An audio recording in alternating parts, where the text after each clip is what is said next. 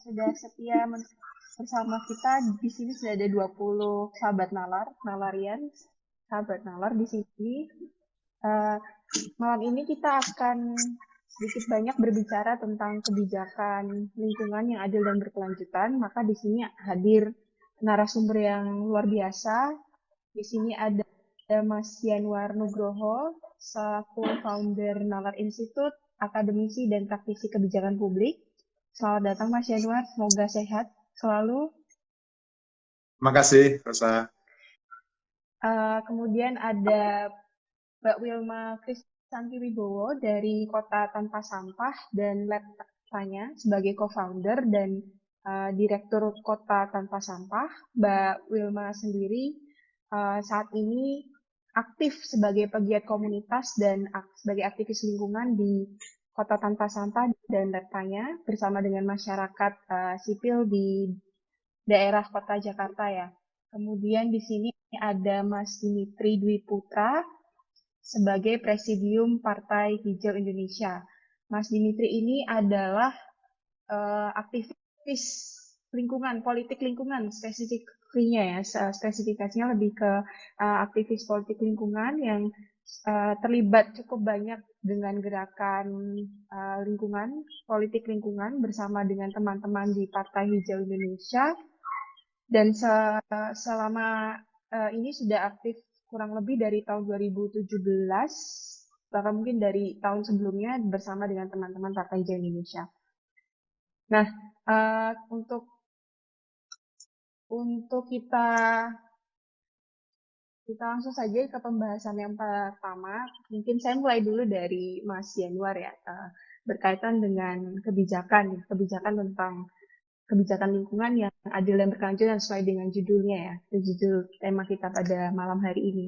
Mungkin dari Mas Januar sendiri sebagai seorang praktisi kebijakan publik ya, bisa memaparkan sedikit ya tentang uh, orientasi ya bahasanya berarti orientasi atau landasan pembangunan pembangunan secara nasional baik global khususnya kaitannya dengan lingkungan apalagi kita tahu sekarang sudah banyak uh, pemberitaan atau situasi saat ini tentang perubahan iklim ya bahkan mungkin bukan perubahan iklim lagi tapi sudah krisis iklim gitu bagaimana Mas Januar?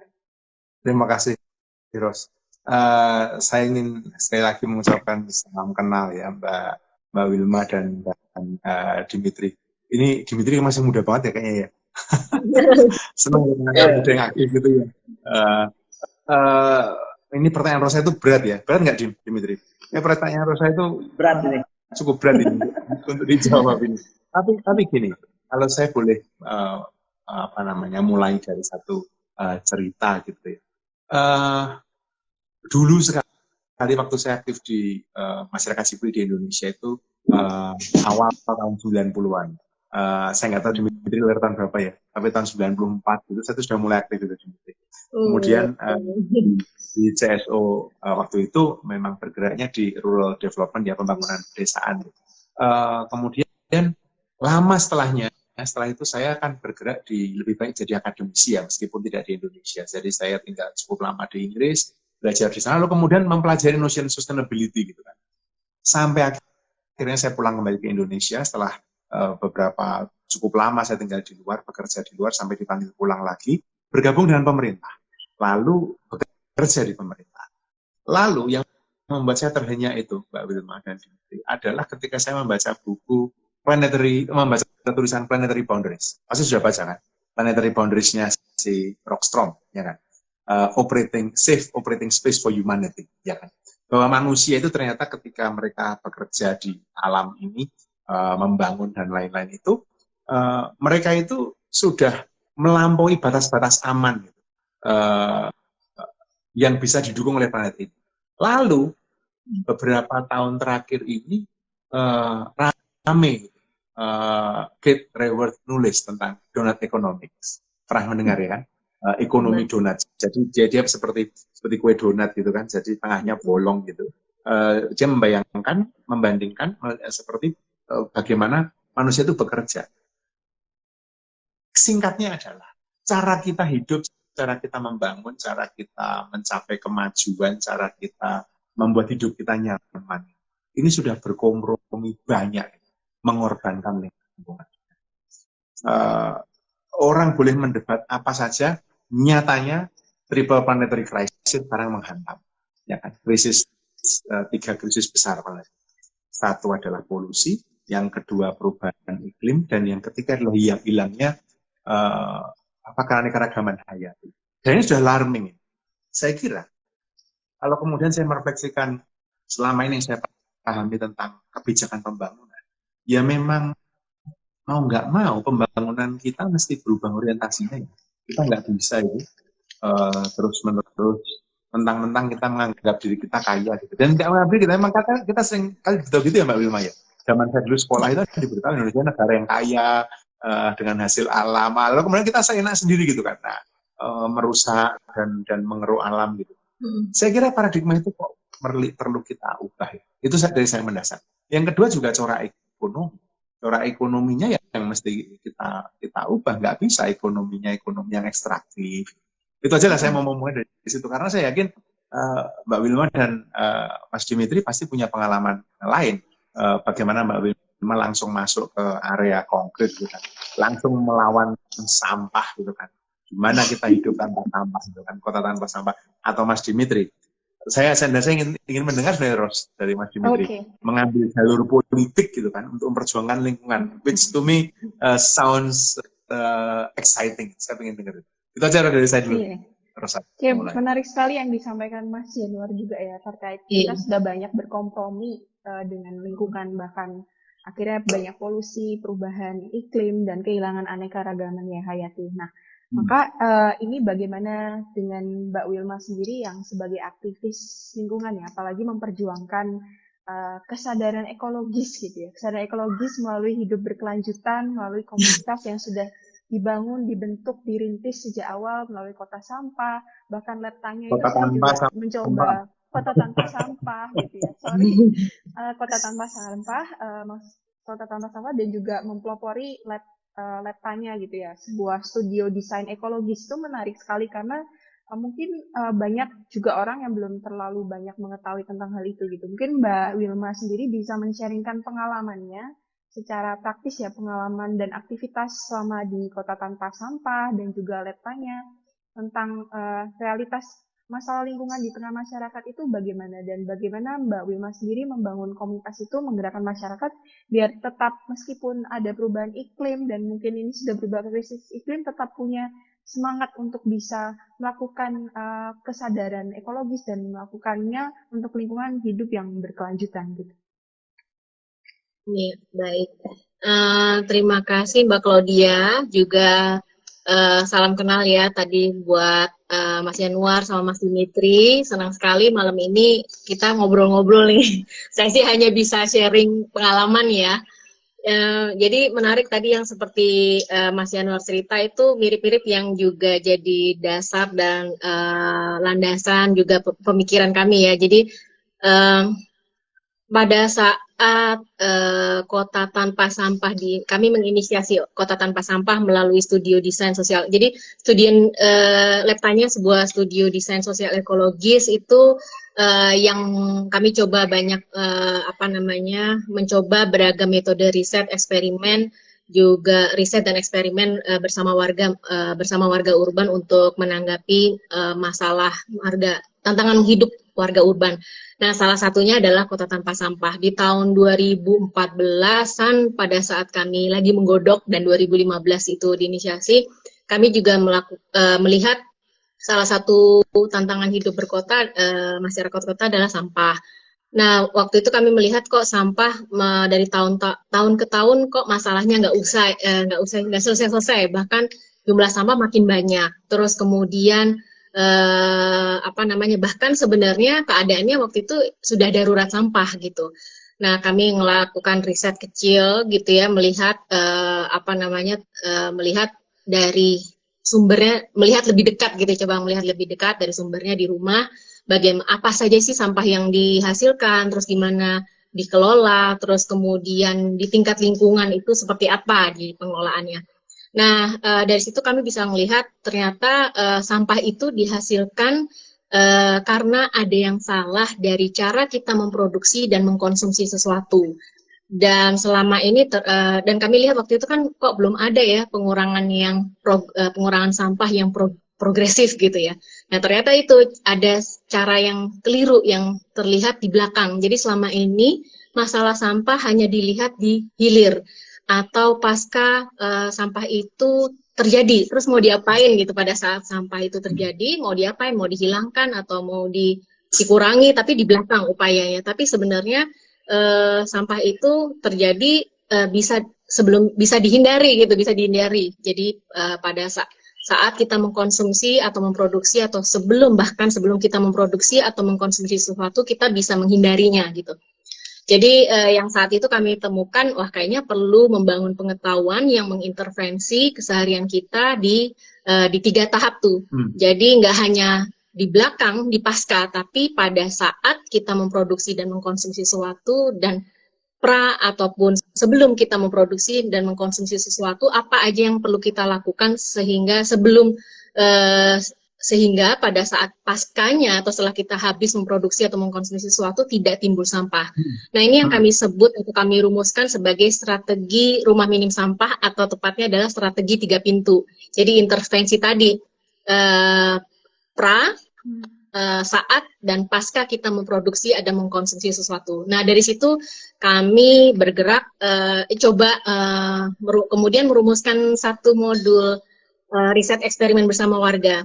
Dan yang menarik itu adalah uh, hasilnya uh, terjadi uh, pengurangan yang progresif uh, cukup banget banyak ya. Uh, warga bisa mengurangi sampahnya antara rata-rata sama 40 sampai 98 hmm. persen bisa berkurang sampah di rumahnya. Nah, tanpa ini kan tanpa invest, uh, infrastruktur yang besar, jadi menggunakan salah satunya uh, menggunakan strategi tiga pintu tadi, gitu. Hmm. Kurang lebih seperti oh, ini. menarik, menarik. Ya, ini menarik sekali ya yang dilakukan oleh Mbak Wilma karena real experience gitu untuk mereduce sampah dari hulu ke hilir gitu ya. Nah, iya. um, dan juga mungkin tantangannya ya Mbak ya dari dari masyarakat oh. sendiri bagaimana uh, upaya upaya Mbak Wilma sendiri untuk menggerakkan masyarakat itu kan pasti uh, tidak mudah gitu ya. Mungkin bisa sedikit oh. menambahkan itu Mbak uh, tantangan dalam oh, iya. membentuk nah, merangkul masyarakat untuk bersama-sama hmm. melakukan hal itu. Hmm. Baik. Ya, sebenarnya uh, tantangannya kan itu mirip-mirip ya dari dulu zaman 2015 sampai saat ini mirip-mirip. Jadi pertama warga tuh sudah terlanjur nyaman gitu, apa-apa dilayani. Terus kemudian kenapa mesti repot? Saya sudah bayar dengan bayar 25.000 bahkan ada 50 ataupun 100 gitu. Ya. Masalah sampah udah selesai. Tapi sekarang kok udah digangguin ya gitu, udah bayar, direpoti juga milah bahkan ngolah gitu. Uh, itu tantangannya mirip itu. Terus kemudian uh, kenapa ribet gitu istilahnya uh, apa namanya? Kenapa mesti ribet apa namanya mengurangi atau mencari alternatif produksi atau konsumsi lain nggak uh, ada yang lainnya melakukan bisnis as usual gitu kayak uh, buktinya uh, sebenarnya yang tantangan besar adalah uh, kan kita sama-sama melihat uh, kondisi Indonesia sebenarnya udah darurat sampah seperti itu tapi kok kayaknya semestanya belum mendukung Salah satunya baik dari kebijakan, terus kemudian kok masih banyak barang-barang, uh, kita dibanjiri barang-barang yang menghasilkan sampah. Nah, uh, mungkin tadi tanya tantangan situ, terus bagaimana, uh, ini salah satunya adalah uh, biasanya kami akan mencari uh, pintu masuk adalah uh, apa sih, uh, bagaimana suatu komunitas tuh melihat sampah gitu ya. Kebetulan salah satu contoh, uh, salah satu contoh ini Waktu itu kami uh, ada dengan satu warga komunitas di satu klaster gitu ya di daerah Tangerang Selatan itu yang menang uh, uh, daerah terbersih uh, atau kawasan terbersih nomor dua se Bintaro waktu bisa bilang gitu ya. Nah terus kemudian itu juga uh, mendapatkan hadiah, terus kemudian apa namanya dirayakan gitu ya. Uh, terus uh, singkat cerita kami berikan apa namanya uh, kami ajak kami lihat has, uh, kami ajak lihat hasil riset kami ke mana sampah yang diangkut uh, hmm. dari kawasan mereka. Ternyata uh, kami lihatin sampah ini dibawa ke TPA Rawakucing. Sementara TPA kami uh, atau area tersebut harusnya di Cipecang.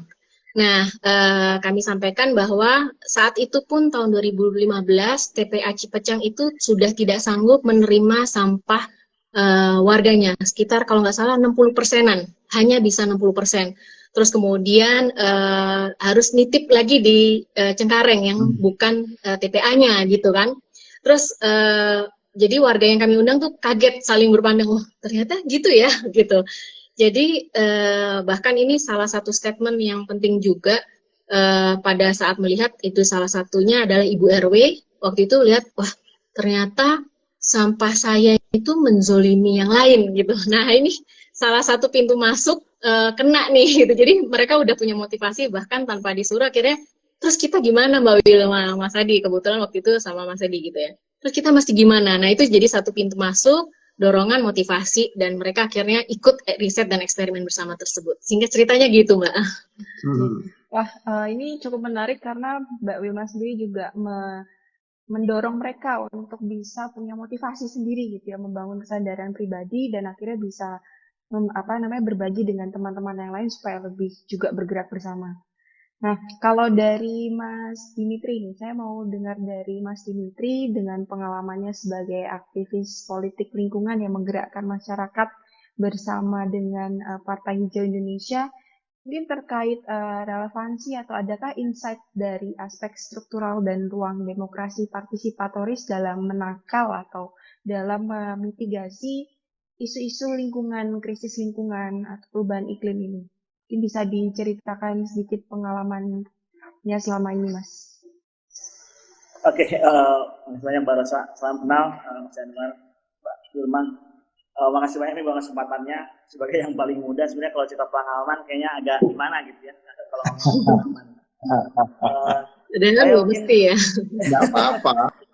Gak apa-apa. Sedikit, sedikit cerita kali ya soal apa namanya uh, ke sebenarnya bagaimana gitu kenapa sih cerita PHI itu kan panjang ya? Kita sebenarnya partai politik yang udah ada 11 tahun hampir sekarang berarti jadi dari tahun 2012 jadi udah lumayan lama banget tapi uh, memang perjuangan ini muncul dari keresahan teman-teman ngelihat bahwa nggak ada ruang demokrasi yang bisa kita masukin.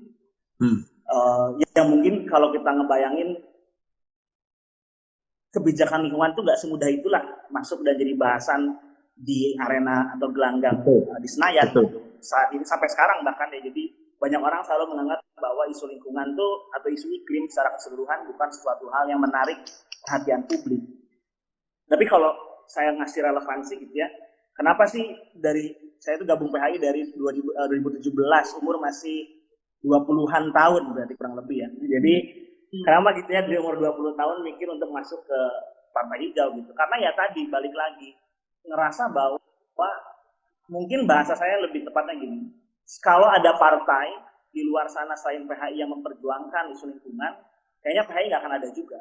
Kan problematikanya adalah eh, selama berpuluh tahun ini ya pasca reformasi eh, dari zaman dulu gitu ya ekstraksi gila-gilaan terjadi, tapi nggak pernah ada partai politik yang bicara soal lingkungan dan mempedulikan soal lingkungan dan kalau nggak ya saya ruangnya nggak ada akhirnya apa cara terakhirnya ya orang-orang kaya mungkin teman-teman yang gabung PHI melihat bahwa cara terakhirnya bikin partai sendiri. Karena tadi nggak ada ruang demokrasinya nggak ada ruang untuk kita bisa menyampaikan pendapat di dalam. Kalau menyampaikan hmm. pendapat dibungkam misalnya gitu. Jadi uh, segitu kerasnya lah uh, dan segitu tertutupnya lah uh, ruang-ruang demokrasi untuk teman-teman uh, yang memperjuangkan isu lingkungan. Aku misalnya bisa salah satu pengalaman yang membuka mata banget gitu ya adalah dulu di tahun 2018 eh, kita itu PHI pernah memperjuangkan dorong senator hijau namanya. Jadi ada beberapa teman-teman eh, teman-teman masyarakat sipil gitu ya maju jadi anggota DPD dan salah satu yang kita lakukan itu adalah bekerja sama dengan kelompok korban. Jadi salah satu senator kita dulu calon senator kita di Jawa Tengah itu bareng sama teman-teman di Kendeng. Jadi dari ya mereka korban dari eksploitasi eh, pegunungan Kars gitu kan ya akhirnya hmm. merugikan buat teman-teman petani dan uh, mereka ke sana. Yang kita lihat itu adalah sedihnya adalah bayangkan gak ada satupun politisi yang mempedulikan mereka. Padahal kan ada puluhan anggota DPRD di tingkat kota, ada puluhan anggota DPR uh, dari tingkat uh, provinsi, ada puluh, ada uh, mungkin puluhan juga gitu DPR RI di tingkat uh, nasional gitu, yang sebenarnya konstituennya basisnya di sana. Tapi nggak ada sama sekali orang yang pedulikan nasib uh, warga Kendeng di masa itu. Dan mereka harus bayangkan waktu itu saya ingat banget salah satu cara mereka untuk memperjuangkan dan mengajak lebih banyak orang adalah mereka jalan kaki sekitar 50 km dan kita waktu itu ikut gitu ya, ikut jalan kaki bareng mereka untuk mengingatkan sesama warga bahwa penting loh memperjuangkan uh, tanah mereka ini gitu, dari eksploitasi uh, perusahaan semen. Nah, tapi udah ngelakuin itu pun udah ada yang dipolitis apa udah ada yang kriminalisasi pun nggak ada perubahan sama sekali. Dan itu yang kita lihat bahwa problem terbesarnya berarti sebenarnya soal ruang teman-teman CSO gitu atau masyarakat sipil untuk bisa berpartisipasi politik. Karena dulu imajinasi sederhana buat kita gitu. Kalau ada kelompok korban yang diheras atau diancam oleh kekuasaan, seminimal mungkin adalah perwakilan negara dalam hal ini misalnya dari senator atau dia adalah uh, anggota parlemen yang terdepan dan menjaga mereka. Permasalahan ini nggak ada. Gitu ya. Jadi kayak betul-betul sekarang tuh udah nggak ada ruang buat kita nih yang memperjuangkan apa namanya kalau dibilang aktivis kayaknya nggak enak itu bukan aktivis lah tapi orang-orang itu gitu ya orang-orang warga yang sadar gitu uh, memperjuangkan hak itu udah nggak ada ruangnya dan dan bahkan di di, sama sama kekuasaan nah kan sebenarnya mungkin jadi apa namanya uh, jadi tantangan secara struktural dalam konteks uh, bagaimana sih kita bisa berpartisipasi dalam demokrasi ini jadi kalau aku mungkin bilang bilang di situ gitu, bahwa memang ada nih instrumen demokrasinya tapi sebenarnya pada ujungnya itu bukan instrumen demokrasi untuk rakyat atau untuk uh, warga gitu ya. itu hanya instrumen demokrasi untuk elit oleh elit dan baik dengan elit gitu. nah itu sebetulnya harapan besarnya gitu saya kalau bahasnya tapi yang kita mau perjuangkan itu sebenarnya gitu bagaimana Partai Indonesia itu bisa jadi ruang untuk teman-teman uh, apa namanya masyarakat sipil secara keseluruhan punya uang demokrasinya. Karena yang itu yang kita lihat di masyarakat ya ada saran. Mungkin itu harus dilihat. Oke, uh, terima kasih Mas Dimitri. Ini menarik sekali karena sudah apa ya malang melintang gitu ya memperjuangkan uh, bersama dengan Partai Hijau Indonesia. Mungkin saya mau ke Mas Yanuar dulu terkait uh, mungkin bisa menanggapi sedikit tentang apa yang sudah dialami oleh Mas Dimitri bersama dengan teman-teman Partai Hijau dan juga mungkin memberikan tanggapan atas bagaimana tata kelola pemerintah selama ini dan agenda kebijakan yang sebetulnya memang berorientasi pada lingkungan berkelanjutan dan keadilan uh, yang berkelanjutan dan berkeadilan. Terima kasih Ros. Saya mengkonfirmasi baik dari Mbak Wilma maupun Dimitri Uh, saya tadi buka-buka data Mbak 2021 total sampah kita itu 68 setengah juta ton. Itu tahun 2021. Di mana 37 persennya itu dari rumah. Benar tadi, ada yang salah ini kayak cara kita mengkonsumsi, cara kita berproduksi. 16 persen masa tradisional, tapi lain-lainnya relatif uh, lebih. Kalau dari jenisnya, Mbak, yang 68 setengah juta ton itu, 40 persennya sampah makanan. Sedih nggak, Mbak? Masih ingat nggak, Mbak, waktu itu di Kompas satu halaman itu? Dimitri ingat nggak satu halaman? Di mana penduduk gitu, rakyat Indonesia tidak bisa mengakses makanan. Tapi Betul. ternyata 40 persen dari 68 setengah juta ton adalah makanan yang dibuang sama makanan.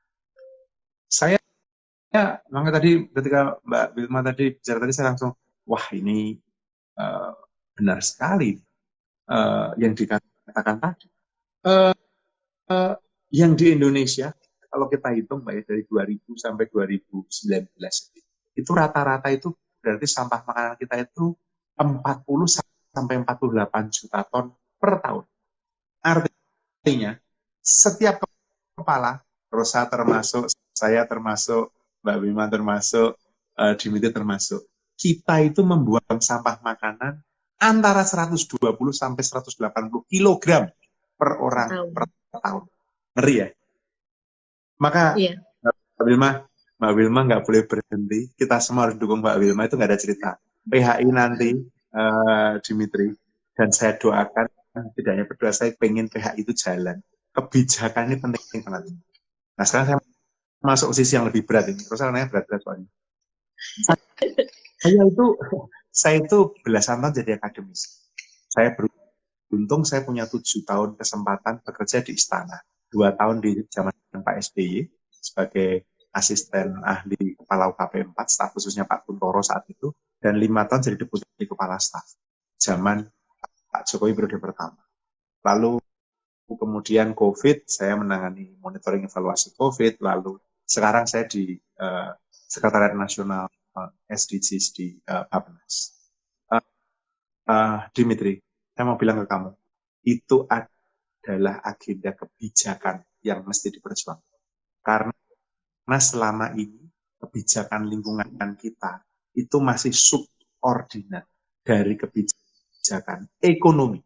Karena semua yang memang mau dikejar adalah kemajuan ekonomi. Uh, ini saya iseng ya, uh, uh, Dimitri ya. Kamu pasti pernah mendengar dong visi Indonesia 2045, ya enggak? Indonesia 2045, ya kan? mimpi Indonesia jadi negara besar, mimpi Indonesia jadi negara yang uh, nomor 4, nomor 5 di dunia itu. Tapi coba kamu cermati mimpi itu. Mimpi itu narasinya narasi ekonomi. Pertanyaan saya, gimana cara kita ya jadi negara maju ya? Gimana cara kita menjadi negara dengan ekonomi nomor 4, nomor 5 dunia? Kita mesti mengenjot pertumbuhan loh ya. Dari 5% ini nggak bisa. Kalau kita tumbuh 5%, nggak mungkin jadi negara maju. Nggak mungkin udah kita kan negara menengah terus. Kalau kita masih negara maju, kita mesti tumbuh minimum 6 persen, Dimitri. 6 persen. Minimum.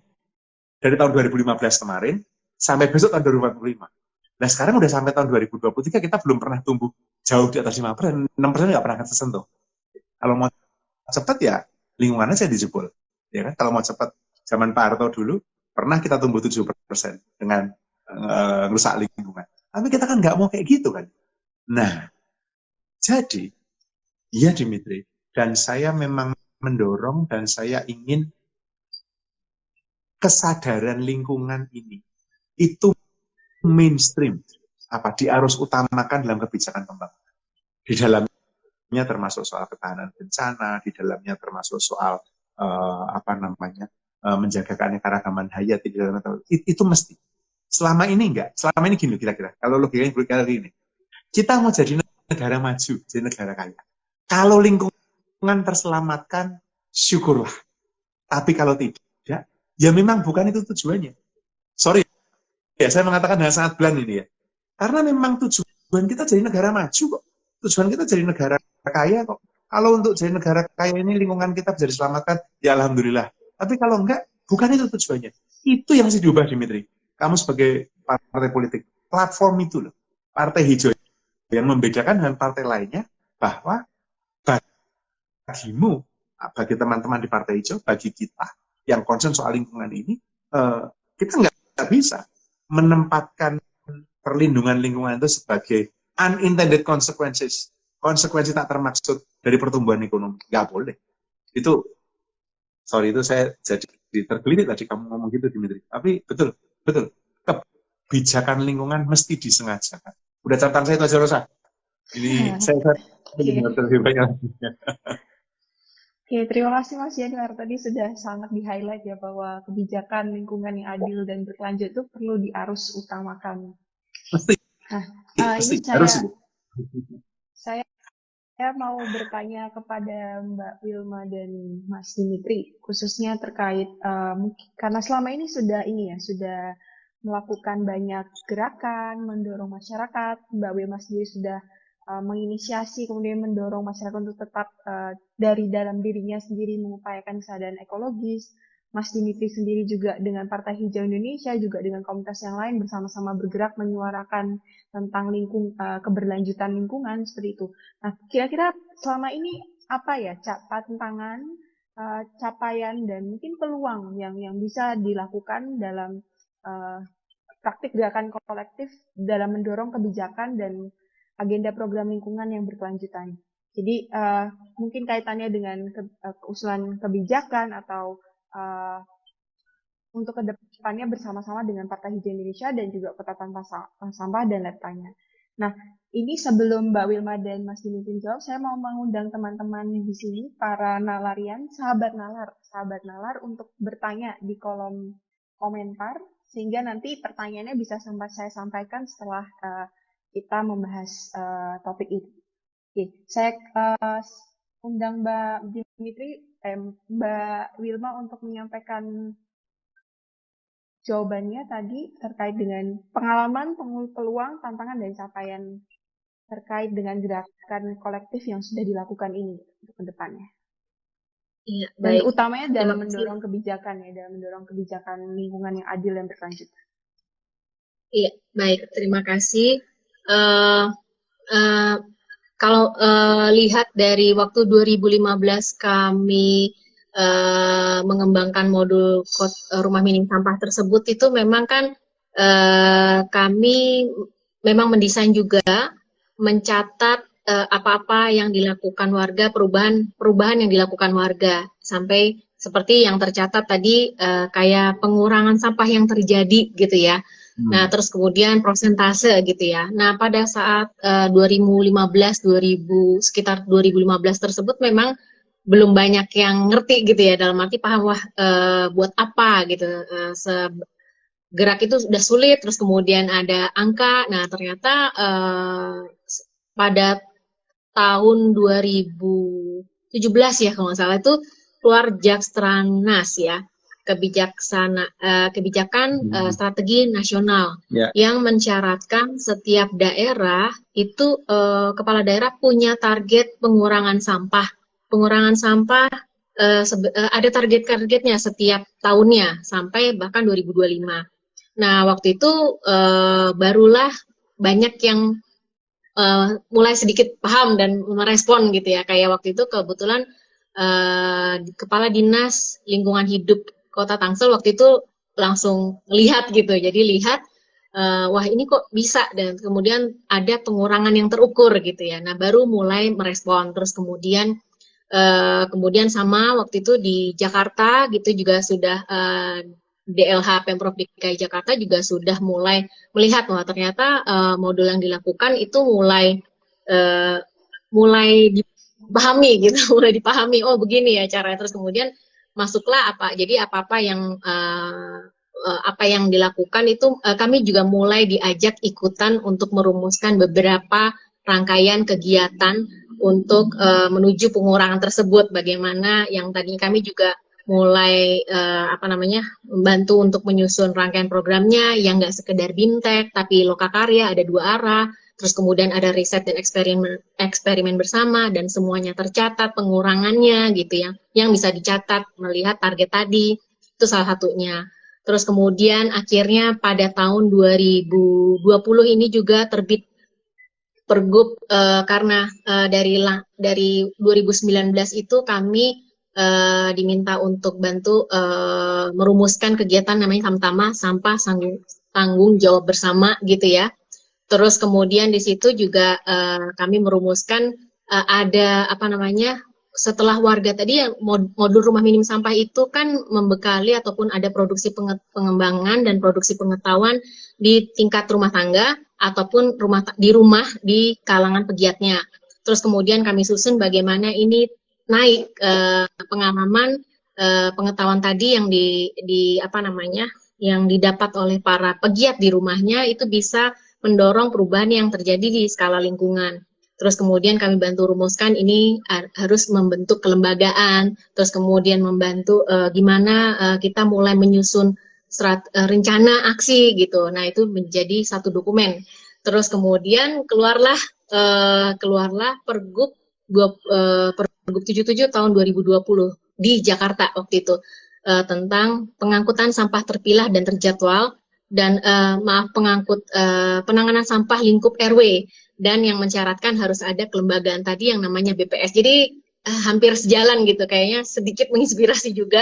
Terus kemudian uh, dari situ kami juga jadi merasa ada saling mendukung ya gitu apa yang kami kerjakan ternyata juga didukung gitu dan tapi ada satu tantangannya juga ternyata juga belum semuanya memang ada satu kebijakan tapi belum komprehensif ke bawah gitu. Jadi uh, belum dilengkapi oleh uh, instrumen kebijakan yang bisa sampai struktural sampai ke bawah. Ini misalnya uh, memang misalnya uh, ha harus ada pengangkutan sampah terpilah terjadwal nantinya yang di yang diatur ataupun diupayakan oleh BPS RW tadi sebuah kelembagaan bidang pengelola sampah. Namun uh, dari warga sendiri pada saat membentukkan itu juga uh, perlu banget itu dukungan dari pemerintah jadi nggak bergerak sendirian nah jadi uh, jadi mungkin saran ataupun itu mungkin mesti ada apa ya uh, apa namanya seperti ada KPI uh, jadi di setiap dari kelurahan kecamatan harusnya ada KPI juga yang tadi ya target pengurangan sampah. Sehingga pada saat ada ada target KPI tadi uh, kelurahan kecamatan pun jadi ikut membantu warga bergerak gitu. Jadi warga nggak bergerak sendirian gitu.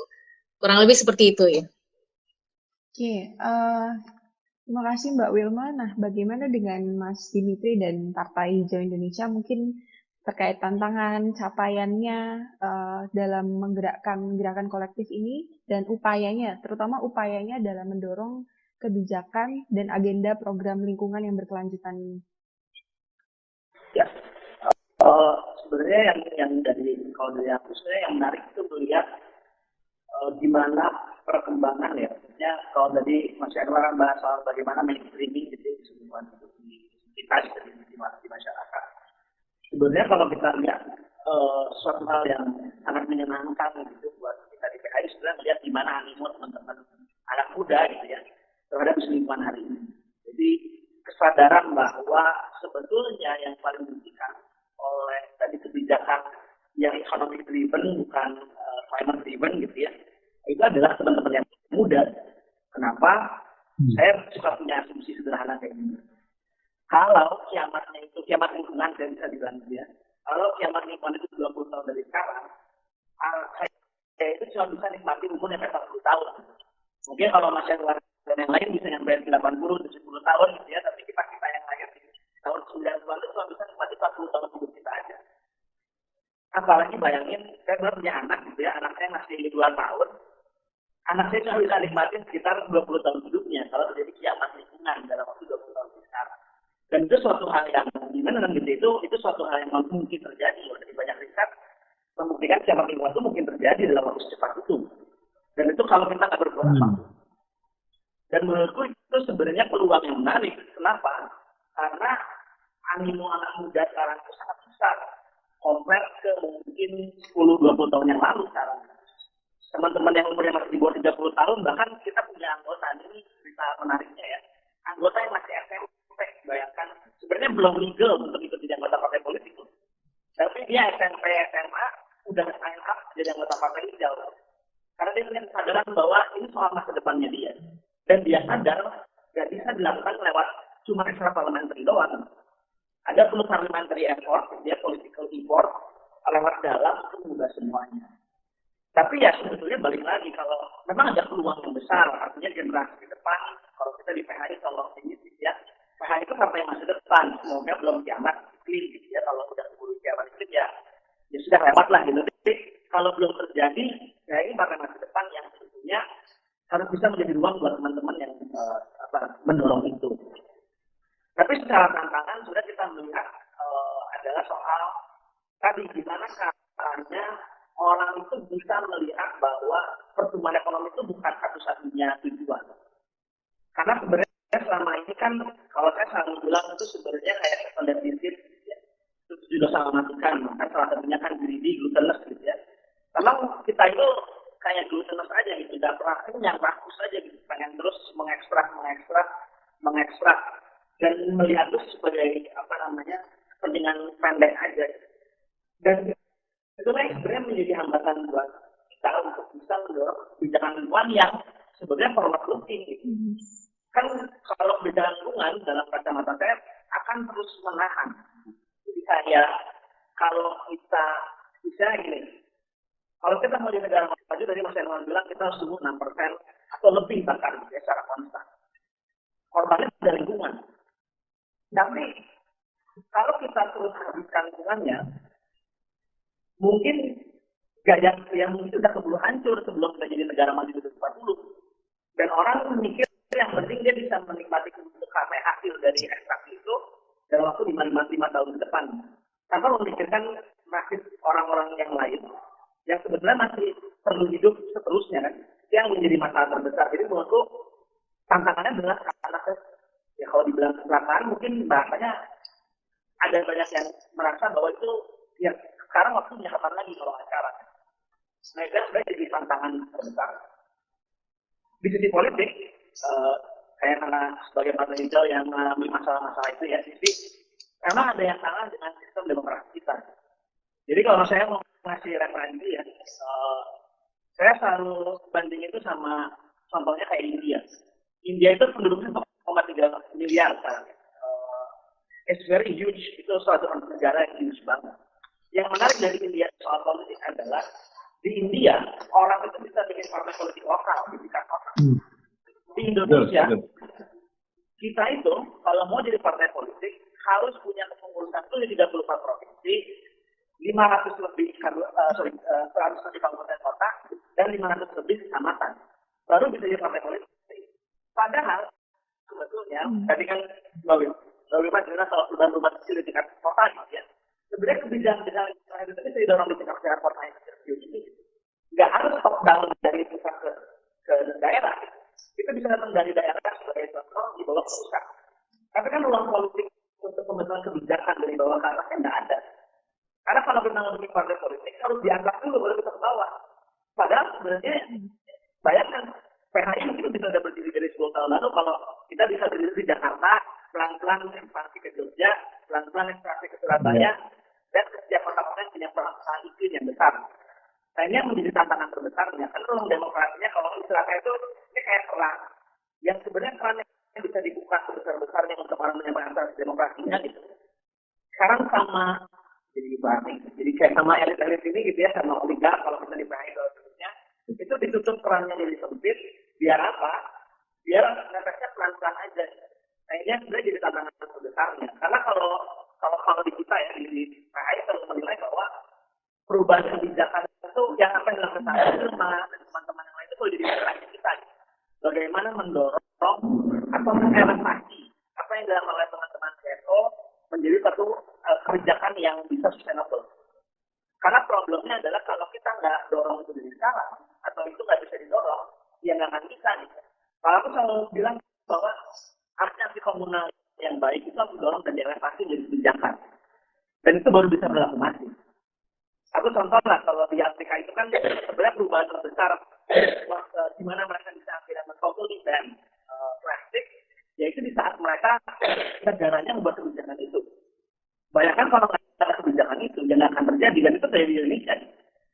Saat uh, seluruh uh, kota, gitu beberapa kota ya, akhirnya melarang penggunaan plastik, kali pakai ya berhenti, tidak ada lagi yang pakai meskipun yang berubah sih jadi plastik berkali-kali pakai yang dibeli terus ya sama ya sampah tapi contohnya gitu lah jadi ada kebijakan itu apa dia sebenarnya bisa bottom up dan itu dorong dari bawah tapi masalahnya ruang demokrasi di bawahnya nggak ada dan itu jadi tantangan terbesar kita sebetulnya secara sistem politik kalau kan ingat sama uh, kita di PKI melihat bahwa itu akhirnya kebijakan-kebijakan yang baik di tingkat bawah itu nggak bisa dibawa ke atas mungkin itu kalian Oke, terima kasih Mas Dimitri. Wah, uh, menarik sekali yang sudah disampaikan ya terkait uh, apa yang sudah dilakukan. Nah, saya mau masuk ke kolom komentar dulu nih. Uh, sudah ada banyak pertanyaan ya. Saya mau mulai dengan pertanyaan untuk Mbak Wilma. Ini untuk Mbak Wilma dari Mas Leo dari Strada dari ya dari Mas Leo dari Strada. Yang saya ingin tanyakan terkait dengan metode apa yang paling tepat dalam membangun kesadaran warga sekolah terhadap peduli sampah. Langsung iya, baik. baca semua aja Rosa, usul saya. Iya. Nanti nggak besar waktunya. Oh, iya, baca aja semua. Nah, itu, Mbak Wilma yang mana? Untuk, untuk Mbak Wilma, kemudian uh, juga ini uh, untuk dari dari Surya Tama, dari Mas Surya Tama ini Apakah di era sekarang kita ada semacam GBHN yang mencakup semua lini termasuk lingkungan? Tiap ganti pejabat, hmm. ganti kebijakan. Itu melelahkan. Sama-sama negara Asia, kenapa Jepang sukses olah sampah, Mas? Ini mungkin ke Mas Januar atau Mas Dimitri juga bisa menyampaikan pendapatnya. Lalu uh, dari dari Desa Budaya Borobudur, bagaimana cara mensinkronkan isu lingkungan antara kementerian di Indonesia? Kebanyakan mereka masih ego struktural, ego sektoral yang diutamakan.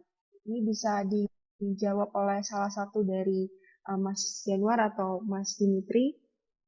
Untuk... Yang tadi Mbak Wilma, yang hmm. ini aku mau. Okay.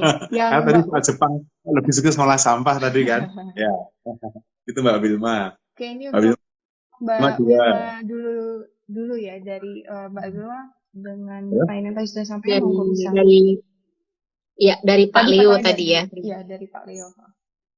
Iya baik terima kasih Pak Leo untuk pertanyaannya. Um, bisa dimulai pertama dari membuat satu kegiatan yang memang uh, diagendakan udah jadi kebiasaan juga dibikin jadi budaya. Tapi pertama uh, ter, pertama kali memang penting sekali kayak menjadi uh, misalnya nonton bareng gitu ya. Jadi uh, biasanya uh, didorong uh, gerakan itu kan didorong ataupun kita perubahan itu juga didorong dari pengetahuan ya. Jadi perlu juga uh, adanya pengetahuan gitu ya, misalnya mengenai dengan kenapa kita mesti bergerak, kemudian kita mesti peduli lingkungan, terus kemudian uh, apa yang kita lakukan itu begitu berdampak buat lingkungan, terus kemudian sekarang kita menuju kerusakan alam atau iklim gitu, dan segala macam kerusakan-kerusakan lagi. Nah, mungkin karena tidak tahunya itu ya, kita kebanyakan kita karena tidak tahu maka tidak melakukan uh, tidak belum melakukan sesuatu itu pertama. Jadi mungkin adanya pengetahuan. Terus kemudian uh, setelah adanya pengetahuan juga di, memberi petunjuk kira kira-kira apa yang harus kita lakukan bersama. Nah, apa yang harus dilakukan bersama, terus kemudian ya dijadikan itu suatu kebiasaan gitu. Kurang lebih se seperti itu gitu. Misalnya sehari apa gitu ya, sama-sama memilah ataupun udah mulai mulai aja dari misalnya dari kantin gitu ya. Dari kantin memang udah kebijakan kebijakan. Sekarang sudah banyak sekolah yang minimal banget tidak ada ataupun tidak memperkenankan ada makanan minuman yang dijual menggunakan styrofoam. Terus kemudian bisa uh, sudah mulai banyak sekolah yang mulai uh, apa namanya kemasannya gitu ya. Kemasannya sudah tidak ada plastik sekali pakai sehingga uh, ada beberapa sekolah yang uh, apa namanya uh, siswa-siswinya membawa wadah gitu menyerahkan ke kantinnya untuk menaruh makanannya di sana di, di wadah mereka gitu itu jadi contoh-contoh seperti itu yang dilakukan kurang lebih mudah-mudahan kebayang dan menjawab. Oke, terima kasih Mbak uh, Wilma. Semoga menjawab uh, Pak Leo dari Strada. Tadi selanjutnya ke Mas Januar ya. Tadi tertarik untuk menjawab pertanyaan tentang uh, pengelolaan sampah di Jepang yang sukses. Bukan. Yang ya, pengelolaan sampah yang Jepang justru Mbak Wilma oh, dong. Iya. saya kalau ditanya itu yang yang soal ganti-ganti kebijakan tadi okay. nanti Dimitri itu. Yang pengelolaan sampah di Jepang Mbak Wilma mungkin punya cerita. Gimana Mbak? Bisa, kok Jepang bisa sukses juga Mbak Wilma uh, terkait dengan Oh iya. Oh. Baik. Uh, kalau di Jepang, ya di Jepang tuh uh, juga pernah baca bahwa sebenarnya lama juga ya mereka menuju satu kebi eh, satu perubahan perilaku seperti itu gitu ya. Terus kemudian eh, emang perjalanan panjang, tapi juga itu eh, di sana kalau di di Jepang itu memang eh, apa namanya pemilahan sampahnya itu eh, apa namanya rinci sekali gitu, banyak sekali dan yang bagus adalah semua terpilah tapi eh, tersedia juga pihak-pihak uh, yang bisa mengelolanya. Jadi benar-benar nggak kebuang gitu. Jadi mereka tahu uh, hampir uh, tahu apa yang mereka produksi, mereka hasilkan itu nanti di, mereka bisa memastikan uh, bekas pakainya atau sisa pakainya itu bisa didaur ulang atau ada yang mendaur ulang. Nah, sedangkan kalau di Indonesia kan banyak kema banyak kemasukan produk yang sisa pakai atau si, uh, kemasan sisa pakainya itu um, tidak ada yang uh, tidak ada yang mampu ataupun bisa mendaur ulang. Misalnya salah satunya uh, kemasan yang multi layer gitu ya, multi layer uh, sebenarnya bisa gitu, bisa didaur ulang. Namun alatnya yang uh, itu kan multi layer harus dipanaskan tingkat tertentu, harus akhirnya terlepas, kemudian uh, keduanya di di apa namanya di uh, didaur ulang masing-masing. Nah, sebenarnya ada adalah alatnya, alat yang mahal tapi uh, produknya pas dijual kembalinya juga nggak nyampe harga menutupnya intinya nggak bernilai ekonomis lah. Jadi akhirnya tidak ada yang uh, tidak ada yang mengupayakan upaya daur ulang tadi. Nah bedanya di situ.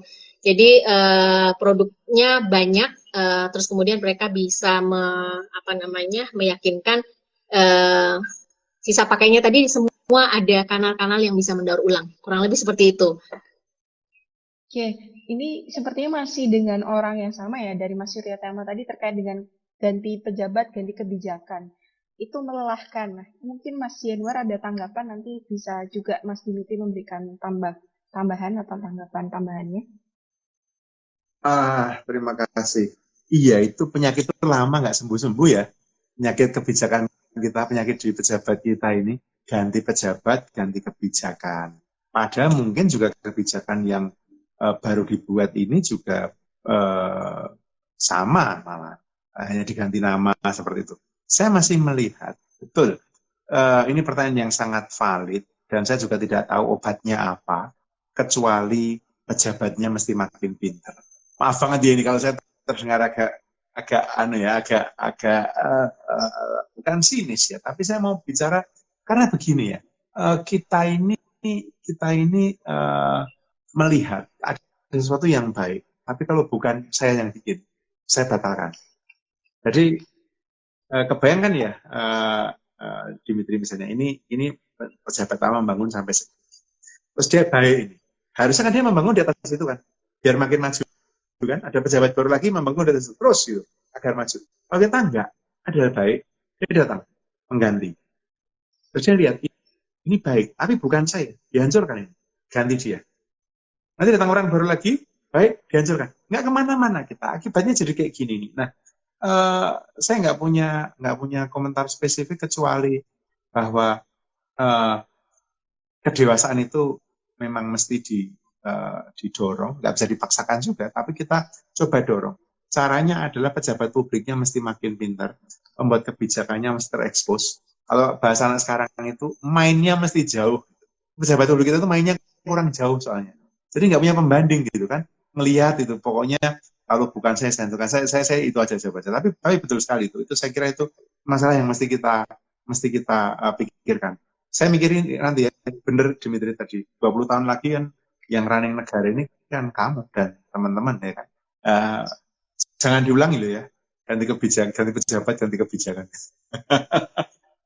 Oke, mungkin Mas Dimitri bisa bisa menambahkan jawabannya ya, terkait sebenarnya uh, ya aku setuju banget sama mas mas mas dengan mas Yanuar sih. Memang ya itu memang agak apa ya balik ke itu kan sangat individual ya. Saya balik ke tiap individu pejabat tadi. Uh, memang main yang kurang jauh atau nggak mau nanti nanti diklaim sama lawan dan seterusnya itu ya itu politik lah gitu ya. Itu politiknya di situ. Ya. Tapi memang kalau di PHI salah satu platform kita kan sebenarnya demokrasi partisipatoris ya itu yang selalu jadi uh, tekanan kita. Kenapa sih PHI mendorong demokrasi partisipatoris? Karena seharusnya, idealnya, dengan adanya demokrasi partisipatoris itu bisa mengurangi resiko yang tadi, asumsi kita. Ini kita masih belum lihat di Indonesia bagaimana prakteknya ya. Jadi, ya memang sebenarnya ada beberapa musrenbang dan lain-lainnya itu kan bentuk-bentuk dari implementasi demokrasi partisipatoris yang bisa kita lihat gitu. Meskipun di sini masih belum berjalan. Saya selalu pakai contoh jagoan saya gitu ya mungkin Porto Alegre bagaimana mereka bisa dengan demokrasi partisipatoris membuat suatu pembangunan berkelanjutan yang yang, yang berbasiskan pada kepentingan uh, publik gitu, bukan pada kepentingan pejabat. Uh, saya memang itu yang, yang aku pikir penyakit yang agak sulit uh, kalau karena selama ini kita masih berdoa pada individunya. Padahal sebetulnya negara ini kan kalau saya selalu senang pakai istilahnya kata gitu.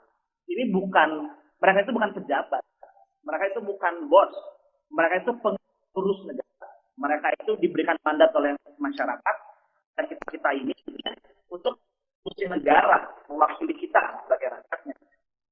Tapi kali kan jadi saksinya itu pejabat gitu, orang yang punya jabatan, orang yang secara kelas jangan lebih tinggi. Kalau sekarang kita petang-petang petenteng masih orator di pinggir jalan, gitu ya, pengen orang aja nggak mau. Nah itu kan yang yang karena mereka melihat bahwa itu kepentingannya dia pribadi. Yang yang yang PHI lihat sebetulnya sangat penting mendorong itu menjadi kepentingan publik, menjadi nominya masyarakat untuk bisa terlibat aktif dalam pembangunan kebijakan. Karena sebenarnya pada ujungnya banyak kasus musrenbang ya di beberapa daerah yang sukses membuktikan bahwa saat kebijakan itu dibangun secara partisipatoris dan di bawah ke atas uh, terasa perubahan dan memang akan tepat buat kebutuhan publik bukan untuk pencitraannya pejabat bukan untuk kepentingan kelompok tertentu.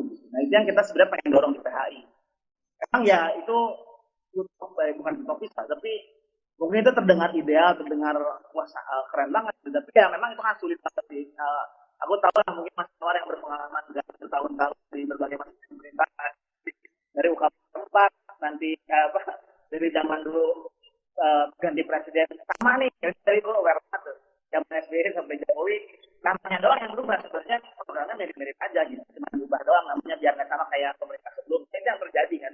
Dan itu udah kita lihat di Jokowi SBY agak jadi agak gitu itu dari aku. Oke, uh, terima kasih Mas Dimitri. Nah, ini berhubung banyak sekali pertanyaan ya yang sudah kita terima, tapi ini satu putaran lagi pertanyaan, tapi saya mau ke Mbak Wilma dulu. Ini ada pertanyaan dari Mas Dekmon untuk Mbak Wilma, bagaimana kota tanpa sampah menuntut tanggung jawab korporasi untuk mengelola sampah?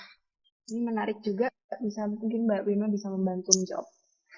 Sekaligus mungkin saya minta sekaligus uh, ada closing statement gitu ya, pesan bagi teman-teman kaum muda dan sahabat nalar. Iya, baik. Uh, menuntut korporasi. baik, uh, gini, ke, uh, apa namanya? Uh, sebenarnya pada saat itu bisa uh, kita bareng-bareng ya menggerakkan dengan warga ya warga warga komunitas yang terlibat di program-program kami akhirnya uh, tadi mendapat satu uh, apa namanya paradigma baru mengenai sampah tadi ya. Jadi uh, warga uh, bisa punya pilihan gitu. Jadi sampah tidak terjadi begitu aja, tapi uh, jika warga ataupun uh, ya kita semua para kita kita punya pilihan uh, kalau misalnya kita bisa memilih produk mana yang tidak menghasilkan sampah, mana yang enggak. Sebenarnya dengan makin banyaknya warga yang sadar, mulai paham gitu ya.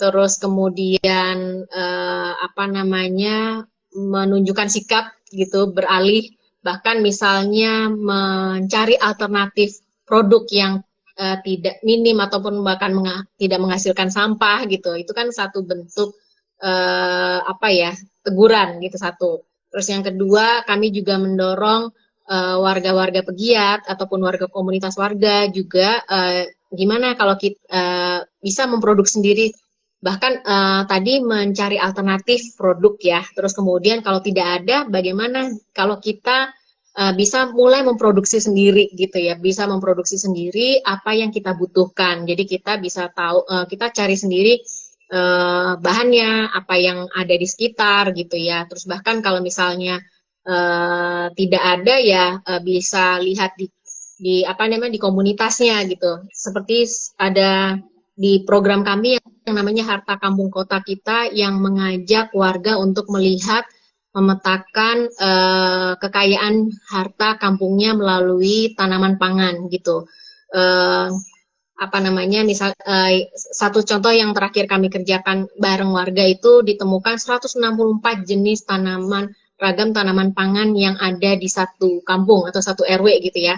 164 kan banyak juga ya. Terus kemudian mulai kami uh, pantik juga sebenarnya bisa di, uh, dibuat apa aja. Nah, dari uh, rangkaian kegiatan lokakarya tersebut juga muncullah pengetahuan-pengetahuan uh, lama bagaimana cara mengolah gitu ya, mengolah, memproduksi uh, bahan makanan ataupun minuman ataupun bahkan obat-obatan gitu herbal yang bisa mereka produksi yang dari yang ada di kampungnya itu yang pertama. Terus jadi warga jadi ingat nggak apa-apa yang mereka butuhkan secara kebutuhan makan, kebutuhan minum, ataupun mungkin herbal ataupun obat tadi eh, yang tadinya bisa menghasilkan sampah. Jadi kalau misalnya kita tahu ada kekayaan apa ya pekarang, dari pekarangan dapur kita, terus kita bisa sudah muncul kembali eh, pengetahuan tadi ya untuk mengolahnya dan eh, kebutuh apa namanya resep-resepnya. Jadi kan minim ya, tadi minim sampah gitu. Terus akhirnya warga jadi pelan-pelan uh, punya pengetahuan, pengetahuan yang muncul kembali dan bisa menggunakan tadi untuk memproduksi sendiri. Bahkan bisa jadi kami juga mendorong untuk jadi ekonomi kolektif. Itu yang per, uh, berikutnya. Kurang lebih seperti itu ya, gitu. Dan uh, dengan kami juga pernah uh, apa namanya memberi uh, usulan program uh, ke ada satu uh, perusahaan juga gitu. Mereka juga dengan melihat apa yang hasil yang dikerjakan dengan warga uh, mereka juga mulai pelan-pelan me, apa namanya melihat satu hal yang baru gitu. Jadi uh, dikenalkan satu yang baru terus kemudian di, diperlihatkan begini loh warga bisa ber apa namanya sudah punya pandangan atau paradigma baru terhadap pilihan konsumsinya. Kalau Anda tidak berubah gitu, kalau perusahaan Anda tidak berubah ya akan ketinggalan suatu saat uh, banyak uh, masyarakat sudah punya konsep uh, apa namanya paradigma baru dan akan pelan-pelan meninggalkan. Jadi uh, Anda mau berubah dari sekarang atau enggak? Kurang lebih seperti itu. Oke, terima kasih banyak Mbak Wilma. Nah, ini pertanyaan terakhir untuk Mas Januar.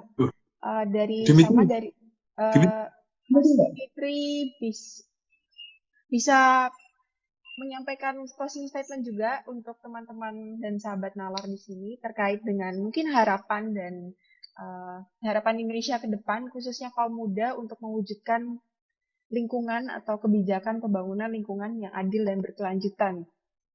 Silakan Mas. Hmm, wah itu berat sebetulnya, berat sekali gitu. Tapi sebenarnya uh, mungkin aku sih berpikir ya satu hal yang uh, selalu tetap membuat semangat itu adalah uh, di mana ngelihat meskipun ya dengan sebegitu carut marutnya sebegitu besarnya opresi represif itu terhadap perjuangan teman-teman tapi selalu masih banyak orang-orang seperti Mbak Wilma gitu ya Mas Januar yang uh, terus mendorong gitu, dan nggak pernah menyerah menurutku itu sebetulnya modal utama dan terbesarnya. Karena sebenarnya saat kita menyerah, menurutku itu yang utama dan akhirnya membuat perubahan itu nggak akan mungkin terjadi. Gitu. Karena sebenarnya buat menurutku ya ini aku mau bilang buat Mas Yanuar, buat Mbak Wilma sebenarnya nggak ada alasan juga gitu kalau mau sangat uh, egosentris gitu ya. Apa alasan untuk memperjuangkan ini? Gitu. Ngapain? sebenarnya kan gitu kan. Itu kan hal yang sebenarnya jadi jangan lagi memperjuangkan ini itu nggak ada alasan buat kita ngelakuin toh ada orang yang di luar sana enak-enak ekstraksi kita memilih untuk enggak nggak dapat benefitnya. Misalnya kalau kita berpikir egosentris tapi sebetulnya orang-orang kayak Mas Januar ini yang membuat aku selalu semangat kita di PHI selalu semangat gitu ya. Bahwa civil society-nya Indonesia masyarakat sipil Indonesia itu masih punya harapan. Dan harapan itu masih terus nyala. Ya ada saatnya meredup gitu ya tapi nggak mati. Nah itu yang sebetulnya menurutku pesan yang penting uh, untuk disampaikan gitu bahwa perjuangan kita tuh nggak pernah mati dan jangan sampai mati dan nggak akan mati gitu. Uh, karena apa ya? Karena ini sebenarnya kepentingan bersama, bukan kepentingan aku, bang Mas Januar, bang Wilma, ini bukan kepentingan kita, ini bukan kepentingan masing-masing dari kita. Ini kepentingan kita semua yang sebetulnya penting diperjuangkan secara kolektif. PHI gitu ya memilih jalan politik. Kenapa? Karena menurut kita itu cara yang terbaik. Mbak Wilma memilih untuk membangun gerakan di tingkat warga. Itu juga sangat baik. Mas Januar dari kebijakan gitu ya mendorong streaming soal uh, isu kebijakan itu juga sangat baik dan itu yang menurutku harusnya didukung terus gitu. dan itulah pentingnya kolaborasi antara semua stakeholders kadang-kadang kan, kan akhirnya kita ini pengalaman pribadi ya jujur gitu jadi sebutan curhat tapi ini pengalaman pribadi gitu kita tuh di PHI sering ngerasa bahwa kalau ada aktivis yang tiba-tiba masuk partai, itu dianggapnya udah berubah. Wah, udah bukan aktivis lagi ini. Soalnya udah masuk politik, udah kotor dia. Padahal sebetulnya kenapa kita berpolitik ya? Karena rasanya udah gak ada jalan lain. Dan itu yang buat kita salah satu jalan untuk menerobos dan mendobrak. Bukan karena kita menjadi bagian dari uh, lawan gitu ya. Kita punya tetap berkawan. Bahkan ada banyak teman-teman yang akhirnya malah uh, ya orang lain itu juga terjadi meskipun sekarang ya sudah mulai ya itu sudah mulai turun lah tapi menurutku itu yang penting uh, dan mungkin buat uh, nararian tadi ya apa sahabat nalar itu sangat penting sebetulnya untuk berkolaborasi. Jadi nggak nggak nggak menurutku nggak harus jadi anggota partai politik misalnya atau nggak harus jadi anggota PKI tapi kita bisa bareng-bareng untuk memperjuangkannya. Dan menurut kita lebih penting berkolaborasi uh, terbuka dan enggak apa istilahnya nggak mau klinis lah gitu. Ini ada satu yang aku jadi musik pop culture lah. Ada lagunya Anak Umar Kata itu judulnya Merah. Dia bilang gini, ini bukan zaman Nabi. Jadi nggak ada mujizat dan nggak ada yang bisa terjadi tanpa ada usaha. Nah ini yang bilang penting gitu. Kalau kita nggak usaha, ya udah nggak ada. Ini bukan zaman Nabi yang ada mujizat tiba-tiba kalau uh, apa namanya kasih jadi roti, tiba-tiba orang sakit jadi sembuh, ya nggak bisa kayak gitu lagi gitu. Ya emang harus diusahakan dan diperjuangkan. Walaupun itu sih uh, penutupnya. Terima kasih banyak. Oke, terima kasih banyak Mas Dimitri. Kita lanjut ke Mas Januar ya. Ini ada tadi ada satu pertanyaan sekaligus untuk closing statement dari Mas Januar. Pertanyaannya dari Desmond, Mas Desmond tadi, bagaimana upaya di Bapenas untuk menyusun kerangka RPJP yang mempertimbangkan krisis iklim? Gue silakan Mas Januar. terima kasih, terima kasih Ros sebenarnya saya tuh uh, mau langsung nutup gitu ya. Apa karena tadi yang Dimitri tadi bagus banget itu. Uh, Dimitri tadi itu menurut saya Dimitri, saya setuju. Karena front perjuangan itu menurut saya penandanya bukan soal kubu-kubu, ya kan? Atau kelompok-kelompok, tapi gagasan yang diperjuangkan. Kalau kamu punya teman teman aktivis Dimitri yang kemudian masuk partai politik gitu kemudian dikatakan temannya wah kamu kok berkhianat. Nah, kamu kebayang nggak? Kayak saya aktivis terus masuk pemerintahan itu gimana tuh? Lu kan dulu aktivis tuh kan? Saya dulu pernah lo pernah lo waktu itu saya ketemu teman saya sama-sama demonstran 98 saya nggak tahu waktu itu Dimitri umur berapa 98 saya demo itu kan rame-rame menurunkan Pak Harto ke DPR itu. Teman saya itu jadi anggota DPR ketemu saya kemudian sekian puluh tahun berikutnya saya jadi deputi di kantor staf presiden. Dia jadi anggota DPR dan dia tanya pada saya, ya Noar, kamu apa nggak stres? Kamu dulu aktivis sekarang jadi pemerintah gitu kan. Saya bilang, saya bilang lain lagi Dimitri, saya bilang gini, enggak.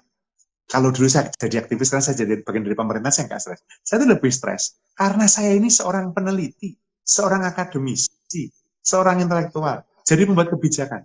Mengapa stres? Karena saya tahu secara intelektual harusnya ini nggak boleh dilakukan. Mahlawannya pemerintah. Harusnya ini harusnya dilakukan. Pemerintah nggak melakukan. Itu bikin lebih stres kalau saya. Jadi Dimitri, saya setuju uh, yang kamu bilang tadi menurut saya itu ini closing statement yang paling penting maksud saya Dimitri tadi Mbak uh, Rosa bahwa keterlibatan masuk ke semua front itu penting. Isu lingkungan ini menurut saya terlalu luas kalau kita mau memperjuangkannya hanya dari masyarakat sipil. Nggak mungkin. Hanya dari pemerintah juga susah. Hanya dari partai politik juga nggak bisa. Mesti semuanya. Dan ini masuk ke tadi yang disampaikan soal apa tadi namanya uh, uh, RPJPN tadi. Iya, 20 tahun rencana pembangunan jangka panjang sebelumnya sudah mau berakhir tahun depan. Kita mesti masuk ke rencana pembangunan jangka panjang berikutnya, Dimitri. Jadi saya berharap PHI maju terus dan bisa duduk di Senayan nanti. Kamu akan masuk menjadi bagian dari 20 tahun berikutnya yaitu RPJP 2025-2045. Isu lingkungan udah jelas sepenting itu. Kalau sampai itu diabaikan, itu kebanget. Kalau sampai besok kandidat capres siapa pun itu nggak mau ngomong soal lingkungan, udah nggak usah dipilih nggak usah jelas-jelas itu aja. Karena itu clear kok, nggak mungkin, nggak mungkin nggak ngomong eh, soal lingkungan. Nggak mungkin lingkungan itu nggak jadi pertimbangan kebijakan. Jadi kalau ditanya, Bapenas gimana? Bapenas menyiapkan itu. Bahkan sekarang untuk rencana pembangunan jangka menengah daerah pun mesti ada KLHS. Tadi Dimitri ceritakan awal-awal dan teman-teman kendeng itu, Dimitri. Waktu itu saya debutinya di KSP, eh, Mas Gun dan teman-teman datang ke istana, diterima Pak Presiden, kemudian kami ditugaskan mengawal karena ada KLHS, kajian lingkungan hidup strategis. Saya tahu persis seperti apa Mas Gun dulu dan bagaimana uh, kita mencoba. Tapi kemudian balik lagi betul yang kamu bilang tadi, Dimitri. In the end, It's about politics. KLHS sudah mengatakan, ini hasilnya seperti ini, pabrik semennya tidak perlu ditutup, tapi area pertambangannya harus digeser. Ya kan? Itu pun tidak dijalankan. Ya kan? In the end, Dimitri, maka saya setuju, saya dukung, saya dorong, Saya teknokrat Dimitri, saya bukan politisi, saya nggak bisa masuk ke partai politik. Tapi sebagai seorang akademisi, sebagai seorang teknokrat di dalam pemerintahan, kamu punya teman, Dimitri. Dan juga Mbak Wilma, saya tahu Mbak Wilma, uh, banyak sekali aktivis-aktivis seperti Mbak Wilma dan dan uh, saya juga ingin ingin ingin ingin menyampaikan ke teman-teman. Cara melihat pemerintah juga jangan monolitik. Sama seperti cara melihat partai politik ya uh, Dimitri atau cara melihat yang lainnya nggak semua nggak semua uh, orang pemerintah itu konyol. Nggak semua orang pemerintah itu beban ada champion-champion. Sama seperti di partai politik. Sama seperti di DPR ya kan? Jadi tugas kita adalah berjejaring dengan orang-orang yang pikirannya terbuka. Itu aja. Terima kasih Oke, terima kasih banyak Mas Januar. Nah, ini karena kita sudah sangat overtime ya. Saya sebagai moderator Instagram Live Nalar Talks kali ini mengucapkan terima kasih banyak kepada Mbak Wilma dan rekan-rekan dari Kota Tanpa Sampah dan letanya semoga terus memperjuangkan uh, lingkungan yang adil dan berkelanjutan, mendorong masyarakat semua, dan juga terima kasih banyak atas partisipasinya Mas Dimitri dan Partai Hijau Indonesia. Semoga selalu terus menyuarakan karena didorong juga oleh Mas Januar untuk terus bergerak ya. Dan terima kasih juga untuk Mas Januar telah meluangkan waktunya untuk diskusi pada malam hari ini. Saya juga mengucapkan terima kasih kepada sahabat nalar di sini yang sudah setia menonton ya dari awal sampai akhir acara. Kita uh, akan mengakhiri Instagram Live kita kali ini dan sampai jumpa di Instagram Live berikutnya. Terima kasih sudah menyaksikan video ini. Semoga kita bisa menemukan makna dan pemahaman yang lebih dalam bersama Nalar.